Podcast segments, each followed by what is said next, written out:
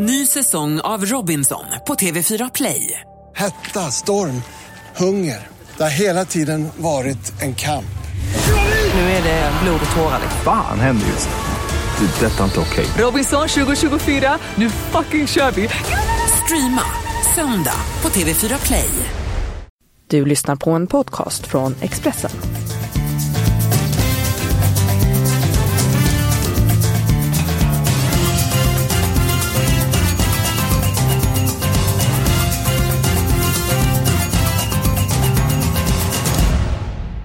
Varmt välkommen till Avspark, Expressens podd om fotboll och Stryktipset. Och eh, den här veckan så gäller det att ha 13 rätt. Det gäller för sig varje vecka. Men den här veckan så dubblas din vinst. Så har du 13 rätt i 150 000 får du 300 000 kronor. Varför då? Jo, det är så att eh, Stryktipset celebrerar 50 år och den här veckan och nästa vecka så dubblas vinsterna för 13 rätt. Och Magnus, för 50 år sedan, det var inte bara det att Stryktipset gick från 12 till 13 matcher. Det var även premiär för Tips Extra. Du har säkert sett eh, 1000 Tips Extra matcher genom åren, lite grann överdrivet. Vilken betydelse det har haft för svensk fotboll? Ja, det har haft stor betydelse för, eh, ja, för fotbollsintresset i, i stort. Det blev, ju, det blev ju ett väldigt intresse just för, eh, för engelsk fotboll. Och på den tiden måste man komma ihåg att det sändes extremt få fotbollsmatcher i TV. Så det var extremt höga tittarsiffror har jag, har jag läst mig till eh, eh då på slutet av 60-talet när det startade 69, 70-talet, 80-talet. Det var extremt mycket människor som såg de här matcherna på lördag eftermiddagarna. Alla skaffade sina favoritlag i England. Det blev en, en, eh, ett väldigt stort intresse för fotboll och för engelsk fotboll inte minst då. Ja, och tänk dig vilken skillnad som du är inne på att Eh, då var det ju ettan och eh, tvåan. Eh, ibland så fick man in dansk TV. Man bodde nere i södra Sverige. Kunde få in dansk TV. Kanske man hade tre kanaler om man hade riktigt tur. Och då var det väldigt sällan eh, sport eh, sändes i TV. Till skillnad idag. Idag kan du få in en hundra matcher, lite överdrivet, eh, under en helg. Men du kan egentligen se hur många matcher du själv mäktar med att eh, titta på. Eh, jag har sett mängder med tips, extra matcher. Jag gick iväg till Holms Tidning. Då var det svartvit TV. Gick dit på lördag och satt och såg på fotboll. Så det är inte konstigt att jag har blivit som jag har eh, blivit. Hade du något favoritlag på den tiden? Hade du någon favoritspelare som går tillbaka då på 80-talet exempelvis? Ska vi gå tillbaka en, kanske ännu längre när jag började bli intresserad av fotboll så var det ju var Liverpool extremt bra i slutet av eh, 70-talet och eh, början på 80-talet och... Eh, jag hade Samuel Lee, Kenny Daglish och så vidare. Eh, vilka spelare? Jag får inte glömma heller Kevin Keegan som ju sen värvades Just till det. Hamburg Sportverein. Det var kanske den stora favoriten egentligen. Ja, ja. Så det var Kevin Keegan. Trots det så, så blev du målvakt. Eh, tänkte att du ville vara ute och spela som Kevin Keegan. Ja, det undrar man varför det kunde bli på det sättet men... Eh, men så blev det i vart fall. Ja, men om vi går på Stryktipskupongen nu, som sagt väldigt mycket pengar att spela om. Dessutom är det en liten jackpot. Jag tycker vi går igenom kupongen uppifrån och ned den här veckan. Match nummer ett, Chelsea-Newcastle. Chelsea kommer bli ett hårt anlitat singelsträck den här veckan. Eller singelkryss om man säger när handlar om Stryktipset. Eh, vilken chans ger du eh, Chelsea att besegra Newcastle? Ja, mycket, mycket stor Eskil därför att Eh, Chelsea kommer ha bollen hela matchen. Och eh, Benitez är duktig på att organisera sin lag defensivt, det kommer han göra. Men de kommer bli stående, de kommer bli sittande hemma i egen sista tredjedel. Och få väldigt långt till Chelseas mål. De kommer bli kvävda av Chelseas passningsspel. Och jag tror att man slänger in Giroud i laget och får lite mer spets framåt jämfört med det man hade mot Tottenham igår. Så jag tror att Chelsea under matchens eh, 94 minuter hinner göra hinner göra både två och tre mål och jag tror inte att Newcastle gör några mål så att för mig är den ettan ganska given. Mm, den är ju väldigt hårt betrodd eh, också. Eh, Många kommer gå på. På Chelsea. Jag spelade match mot Tottenham i ligacupen igår. Förlorade med 1-0. Eh, efter matchen så diskussion om om VAR är bra för fotboll eller för dåligt för fotboll. Vi har ju berört detta tidigare. Men din syn på VAR, Magnus? Ja, jag lyssnade på den diskussionen också som var i TV. Som Simon Bank och Henok Goitom bland annat hade där. Eh, och Simon Bank är ju väldigt negativ mot VAR. Eh, jag håller inte med den gode Simon som ju är en klok man. Men i det här fallet är vi, är vi inte överens. Jag tycker att VAR är bra. Eh, därför att det blir eh, rätt om man, om man också klarar av att välja ut de mest avgörande situationerna i en match. Dock är tidsaspekten viktig, att vi inte får för många långa pauser. Fotboll är, är och ska vara ett flöde. Det får inte bli för mycket upphackat likt basket och ishockey. Nej men jag håller med dig. Jag tycker att Simon Bankan är en jätteduktig journalist. Han kan oerhört mycket fotboll. Eh, för den sakens skull kan man ju tycka eh, olika. Jag tycker att VAR är bra för fotboll. Eh, jag tycker inte man ska kolla på varenda sekvens på eh, planen. Det är ungefär som att vissa brott, du får inte gå mot rött exempelvis. Eh, eh tjuvfiske, det är inte lika allvarligt brott om du begår ett eh, rån exempelvis och så vidare. Lite grann överdriven den här jämförelsen. Men jag tycker det är bra att domaren kan gå och kolla. Är det straff eller inte? Eh, var offside eller inte liksom, på vissa sådana avgörande sekvenser som har så stor betydelse för fotbollens, eller för matchens utgång. Sen kanske man får köpa att det blir inte alltid rättvist att det var en frispark på plan som ja, domaren missade och man gick inte in och kollade på VAR där. Men så med tidsaspekten så, det var viktigt. Tycker du ska till och med ska finnas en gräns? Är det inte bra att domaren får den tid som behövs för att kolla på en svår situation om det är straff eller inte? Ja, det är just för att inte tappa, tappa trycket och tappa det här som vi kallar, som är, gör fotbollen unikt gentemot många andra idrotter, att vi har ett, att vi har ett, eh, ett flöde.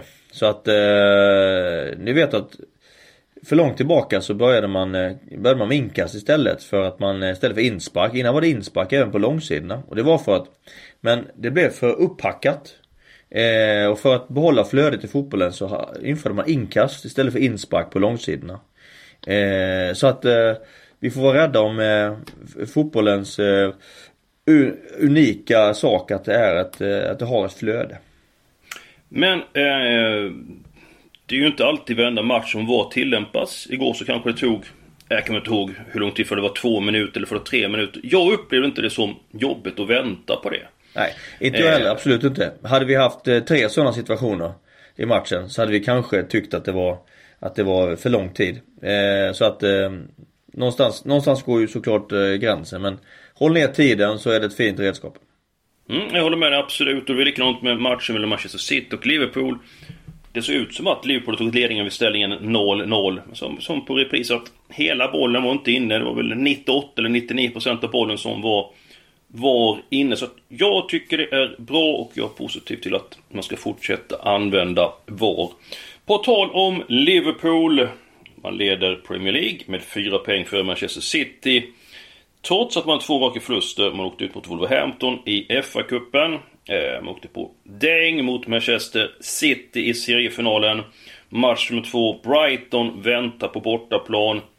Kommer Liverpool att eh, förlora eller tappa poäng igen eller blir det seger Magnus?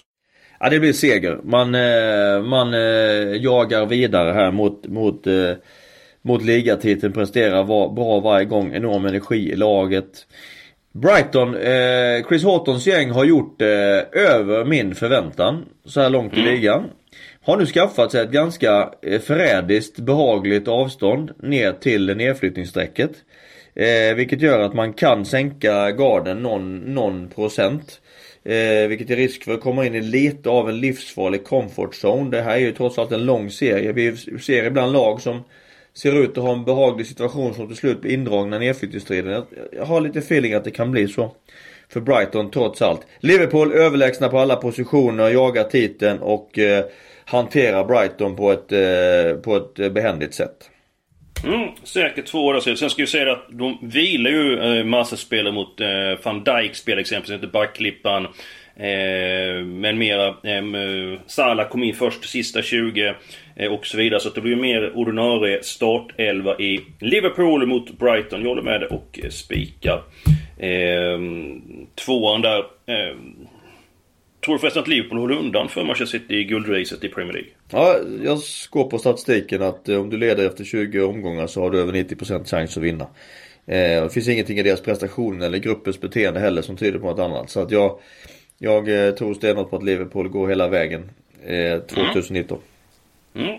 Bra, vi går vidare. Stryktipskupongen. Match nummer tre. Burnley mot Fulham. Burnley har kommit igång. Robert Brady är avstängd. Det är ett eh, minus. Fulhams defensiv den övertygar inte. Åkt ut mot Oldham i FA-cupen. Uppåt till Burnley efter tre stycken raka eh, triumfer. Jag tror att man eh, inte förlorar matchen. Ett kryss där. Vi återkommer till match nummer fyra. Cardiff mot Huddersfield. Match nummer 5, Crystal Palace mot Watford. Vad har du för känsla här Magnus? Jag har känsla att det är dags för Crystal Palace att och, och vinna på hemmaplan. Eh, bättre trend. Man inledde ju den här serien. Hade ju en, en eh, alltså augusti, september, oktober, november var ju riktigt, riktiga under, alltså svag, svag, svaga månader för Crystal Palace. Man underpresterade kraftigt. Kommit igång här i december och januari. Börjat plocka poäng. Ta, ta några par, par tunga segrar på bortaplan. Bland annat slå Manchester City borta, slå Wolverhampton borta. Ha ett starkt lag. Det är egentligen bara Benteke som vi, som vi saknar nu. Och han är nära comeback. Väldigt nära comeback. Ja, och då sätter han också press på de som spelar. Så att det, det är väldigt positivt. Watford är ett underbart härligt karaktärsgäng med Troy Deeney i spetsen. Jag tycker kanske att eh, Watford har nästan överpresterat lite. Jag tror att Crystal Palace har sin bästa del av säsongen kvar. Medan Watford har nog en, en liten nedtur att vänta. Normalt sett. Så att jag tror att det här blir lite vattendelare för lagen. Jag tror Crystal Palace eh, slår Watford. Jag sticker ut hakan och säger att Crystal Palace slutar före Watford i serien. När den är slut. Även om det i dagsläget skiljer ja, sju poäng tror jag. Mm, mm. Eh, vad vill du ha för, eh, för täck i den här matchen? Därför vill, därför vill jag ha, eh, jag tror på Crystal Palace seger så jag går på Jag går på ettan och så får du ju i så fall lägga till en gardering där Eskil om du tycker så. Ja, nej men det vill jag ha. Jag har ändå respekt för uh, Watford. Jag är svag för Troy Deeney. Om vi tar nästa match då. Uh, match nummer 6. Leicester Southampton. Tar man då Leicester så skulle man borta mot Manchester City. Sen så förde man match mot Cardiff. Fick straff, missade den. Åkte på däng på stopptid. Det var ett kanonskott från ja, en bit utanför straffområdet in. Mycket oturlig förlust. Sen såg jag matchen mot Everton. Det var en av de sämsta matcherna jag sett på väldigt länge. Det var en Leicester med 1-0. Jamie Ward gjorde mål. Sen förlorade mot Newport i FA-cupen. Möter nu Southampton. Din känsla i match nummer 6? Leicester är, är på uppgång, inget snack om saken. Efter den tragiska bortgången av presidenten så har man kommit samman om man har eh, med undantag, jag håller med dig, matchen mot Everton det var ju en anskrämlig fotbollsmatch men eh, för att vara den här nivån. Men eh, man har gjort det bra, presterat och gjort bra resultat och Alltså matchen mot Newport i kuppen det var ju helt, att förlora mot ett League 2-lag. Men, alltså man hade ju bytt ut alla spelare. Men jag begriper inte Eskil varför man, varför Claude Poel gör på det sättet. För de, de kan inte vinna någon titel i ligan, de kan som bäst bli sjua. Alltså bäst bland övriga lagen utanför the Big Six. FA-cupen är ju en möjlighet att nå en stor framgång. Och då ställer han över hela startelvan. Och givetvis då sätter det Sätter allting på spel och förlorar borta mot Newport. Alltså det är, det är extremt tungt för supportrarna att behöva, behöva vara med om en sån förlust. Därför måste man nu ta sig i kragen, visa supportrarna en annan sida och slå Southampton på hemmaplan.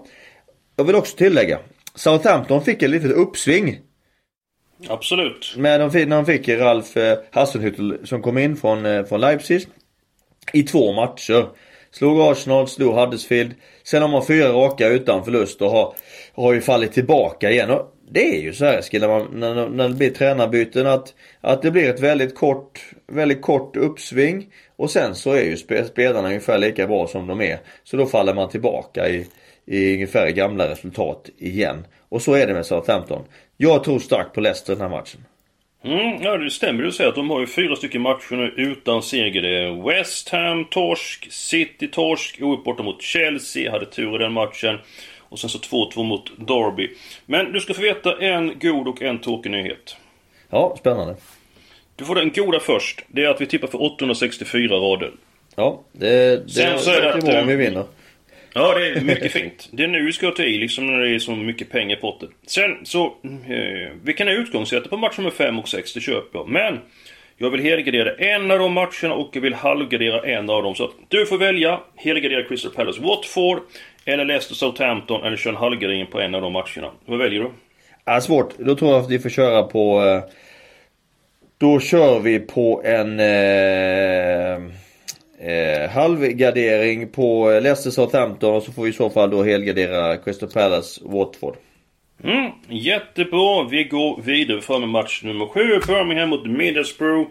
Eh, kom Middlesbrough igång ordentligt mot Peterborough efter paus. Eh, stängt in fem stycken mål där. Även har fått en del eh, förstärkningar. Ryan Shotten är eventuellt tillbaka. Birmingham tycker jag gör det bra. Svår match för mig. Alla tecken i den matchen. Sen går vi till match nummer 8. Brentford mot eh, Stoke. Eh, Kollar hur strecken är fördelade så är det 40% på ettan just nu. 30% på krysset och 30% på tvåan. Stoke. De har ju offensiva bekymmer. Jag gjorde visserligen mål senast. Men på de senaste sju timmarna bara gjort ett enda mål. Vad har du för känsla för eh, de rödvita borta mot Brentford? Stoke är ju seriens stora besvikelse. Jo, de var ju egentligen givna med tanke på trupp och resurser och den antal Premier League, stora Premier League-erfarenheter man har i klubben och i truppen att de skulle vara egentligen ligga topp 3-4 hela året. Ligger på 14 plats. Har varit en mycket, mycket stor besvikelse.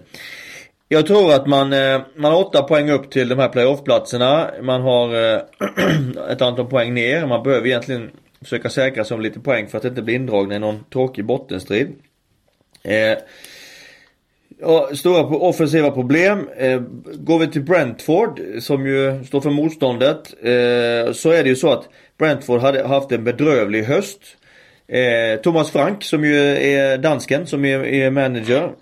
Eh, har ju nu liksom ändrat lite de sista 5-6 matcherna och spelar med en eh, försvarar med en fembackslinje. Och har fått stopp på, på blöd på på det blödandet som, eller blödningarna som har varit under, eh, under hösten och släppt in alldeles för mycket mål. Så nu har man, nu har man liksom stängt till, man släpper in färre mål, man har börjat ta lite fler poäng, klättrat något i tabellen, ligger på en 18 plats. Jag tror att det här blir en målsnål match. Eftersom Stoke offensiva problem, Brentford koncentrerar sig på att stänga till. Det här blir 0-0 eller 1-1 eh, tror jag. Så att jag tycker att det här är ett eh, bra läge för ett, ett enkelkryss. Mm, ja, men jag köper ett resonemang. Eh, jag tror också det blir en ganska målsnål eh, tillställning. Eh, hade vi haft en större plånbok och vi tagit alla tecken i matchen. Men! Nu får vi nöja oss och ta ett tecken i matchen. Kryss, det gillar jag. Niklas Holmgren, han brinner ju för Ipswich. Nu är match nummer 9 möter Rotherham. Rotherham har inte vunnit på bortaplan än.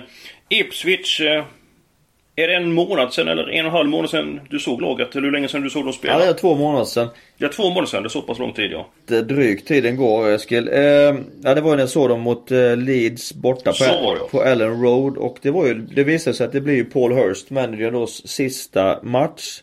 Du sänkte honom alltså? Jag gjorde det. Han fick ju gå efter den matchen. Jag såg ett väldigt håglöst och eh, svagt Ipswich i den matchen. Eh, in, in istället kom ju då eh, Paul Lambert som ju fick ett uppsving i en match. De presterade bättre sen i, mot Preston. Eh, e-, efter det har det varit tillbaka till eh, gamla visan igen som vi sa tidigare om managerbytet i Southampton. Det blir ett väldigt momentant eh, uppsving och sen så är man tillbaka för spelarna. Inte bättre. Det är bättre att satsa på 3-4 eh, nya bra spelare istället så hade det lyft mycket lättare att lyfta. Eh, så att det har sett ut som kattskit kan man säga fortsättningsvis.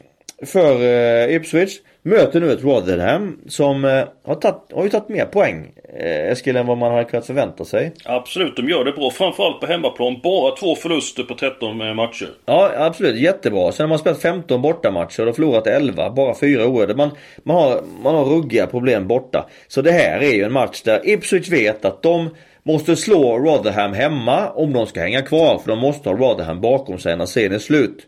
Rotherham eh, vet ju också att kan man slå Ipswich på bortaplan så har man eh, mer eller mindre hängt av dem. Då är man 10 mm. före. Så att, eh, vad sägs om 1-2? Ja men det köper jag absolut. Och så gillar jag att du tog in statistiken från Rotherhams bortamatcher i kuppen där. Eh, för kollar man på deras statistik i ligan. De har alltså 4 kryss på 13 försök. 8-24 i målskillnad. Eh, Utgångsetta är Ipswich som ska ta ett tecken i den här matchen. Man har frågetecken för en handfull spelare, men det är många som är på väg tillbaka i klassiska Ipswich. Dock inte Jonathan Walters, eh, han spelar inte på flera månader och Grant Ward spelar inte heller. Eh, 1-2 i den matchen. Match nummer 10, Preston-Swansea. Jag var imponerad av Swansea eh, senast. Man besegrade Aston Villa på bortaplan. Nu var det i FA-cupen. Eh, då saknade man 8 spelare i Swansea. Sex stycken var borta på grund av influensa. Nu är man bättre rustat inför den här matchen mot Preston. Preston har också haft en omfattande skadelista. Trenden är negativ. Jag tycker den här matchen är väldigt svår. Alla tecken röstar jag för. Så behöver vi åtminstone en spik till match nummer 11 Sheffield United mot Queens Park Rangers.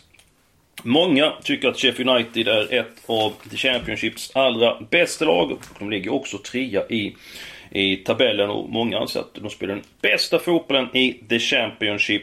Jag tror att man besegrar Queens Park Rangers. Queens Park Rangers har gjort det bra eh, efter en väldigt tråkig start på säsongen. Fått in en del viktiga spelare men är nu försvagad och i min bok så är det fördel till Sheffield United. Match nummer 12, West Bromwich Norwich. Vi kör ett kryss där. Sen så behöver jag din hjälp Magnus.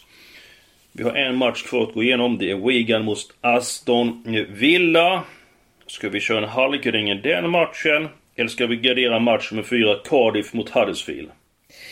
Ja, jag tycker att vi lägger garderingarna på Wigan Aston Villa för det är, tycker jag, en extremt svår match. Wigan behöver verkligen ta poäng. Indragna i bottenstriden, Aston Villa är ju inte är ju, har inte varit att lita på men är ju ett bättre lag. Har en bättre trupp än Wigan. Eh, Cardiff tror jag har en bra chans mot ett, mot ett väldigt, för dagen väldigt svagt Huddersfield. För dagen har varit svaga hela året. Så att jag, tror, jag tror Cardiff har väldigt stor chans att vinna. Därför tycker jag det är vettigt att spika dem och så gardera match nummer 13. Ja men då gör vi så. Eh, Cardiff, jag har lite gärna känsla för eh, Cardiff. Åkte ut mot Gillingham, chans ut mot Tottenham. Så tog de en skrällseger mot Leicester och i kraft av hemmaplan så besegrar man nog eh, Huddersfield som är nog Premier Leagues sämsta lag. Utgångstvåan i match nummer 13 tycker jag är given. Eh, trots att Aston Villa eh, floppade senast. Eh, Jack Grealish, en jättebra spelare Aston Villa. Han saknas. Scott Hogan, rutinerad anfallare, gjorde comeback eh, senast. Vad ska vi gardera två med? Kryss eller etta? Jag tycker att vi tar etta, två. Mm. Då är vi klara den här veckan. Jag tycker ni var lite grann svårt att hänga med på vår genomgång av tipset. Så inte oroliga för att den ligger ute på Expressens hemsida. Gå in på Expressen.se.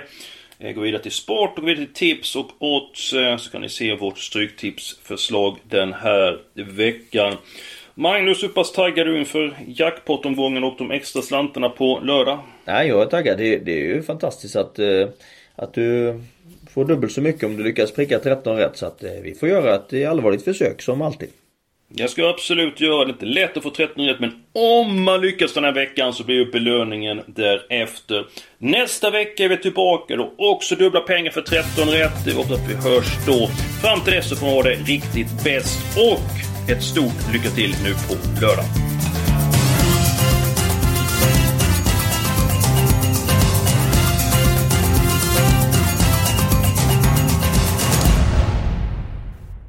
Du har lyssnat på en podcast från Expressen. Ansvarig utgivare är Thomas Mattsson.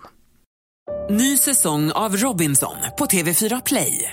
Hetta, storm, hunger. Det har hela tiden varit en kamp. Nu är det blod och tårar. Fan händer just det. Det är detta inte okej. Robinson 2024, nu fucking kör vi! Streama söndag på TV4 Play.